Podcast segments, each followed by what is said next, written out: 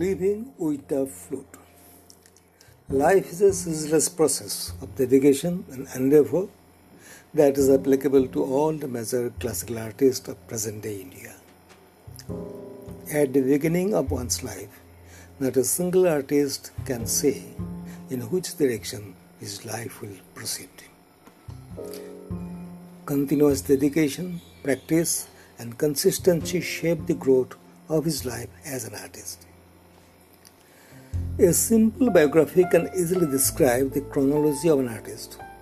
But if that biography describes the growth of an artist in a wider perspective, manifesting various levels of his dedication, that biography easily gets transformed into a history of the growth of Indian music. At the same time, it becomes a motivational book for the dream chasers and Immediately, the book magnifies its territory and enhances the credibility of the author. Sathya Saran has so brilliantly described the life of Pandit Hariprasad Chaurasia in a wider perspective that the book has turned into authentic chronicle of the growth and transformation of a person who started his life as a music lover and later became an artist in all sense. Sathya Saran feels a great attraction for Hariprasad Chaurasia, and that attraction had provoked her to write this book. And that passion and love is being echoed in between the lines of the book. But the significant point is that the author has kept herself at a distance and penned the life of Chaurasia in such a detached tone that the life of the artist has appeared as a man of flesh and blood, yet it has not lost its mystic aura of an artist. This detached tone of the writing has enhanced the epic quality of the book, and eventually the book has turned into a responsible and meaningful work of art. Most of the major Indian classical musicians are from the music family and they grew in their own gharanas. But Hariprasad did not have that fortune. His Pahalwan father wanted to see him as a Pahalwan like him or at best in a government job. Fortunately, Hariprasad got a government job that was an instrumentalist in AIR, All India Radio, and his life with music took a turn. Started composing songs, participated in instrumentalists in Bollywood films, and most important, learning classical music under Annapurna Devi. Annapurna Devi, one of the most respected classical artists of this subcontinent. Sathya Saran has recreated this journey of struggle and achievement in a format of a tale that blended with all relevant information and her passion for music, words, and eternal respect for Hariprasad Major achievement of Hariprasad is his struggle and devotion to transform a folk instrument flute to a classical musical instrument and to establish the instrument on international arena of music. Pandit Pannalal Ghosh one major classical flutist of India was the first musician to convert this folk instrument into a classical instrument, and he had selected the 32 inch long flute for his experiment, which was accepted by all. But Hariprasad Chaurasia was asked to take a longer and bigger flute for his purpose by his mentor Annapurna Devi.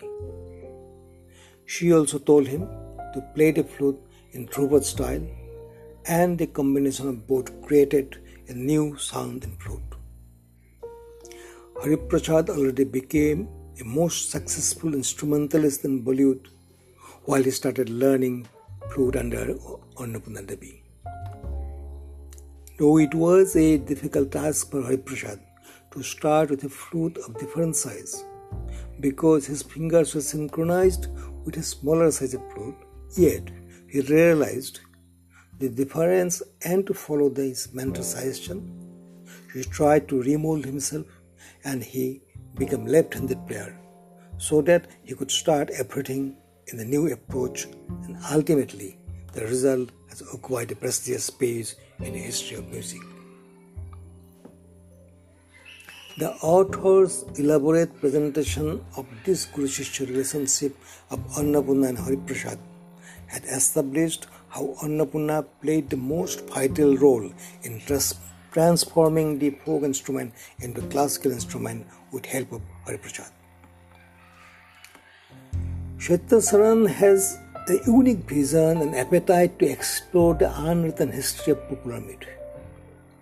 In her another book, she had unveiled the truth that the director of the film Saheb Bibi and Gulam was Abrar Alvi, who is popularly believed as directed by Guru Dutt. With this book, Saran established Annapurna Devi's contribution, which was hardly discussed earlier. After the publication of this book, Pandit Hariprasad Chaurasia echoed the same thing. He said, It was essentially still a folk instrument when I took it up. It was my Guru Annapurna Devi who brought about the changes that resulted in being accepted in full as a complete instrument capable of bringing out every aspect of classical music. Her style was essentially a Dhrupad style, with powerful mir and gamak.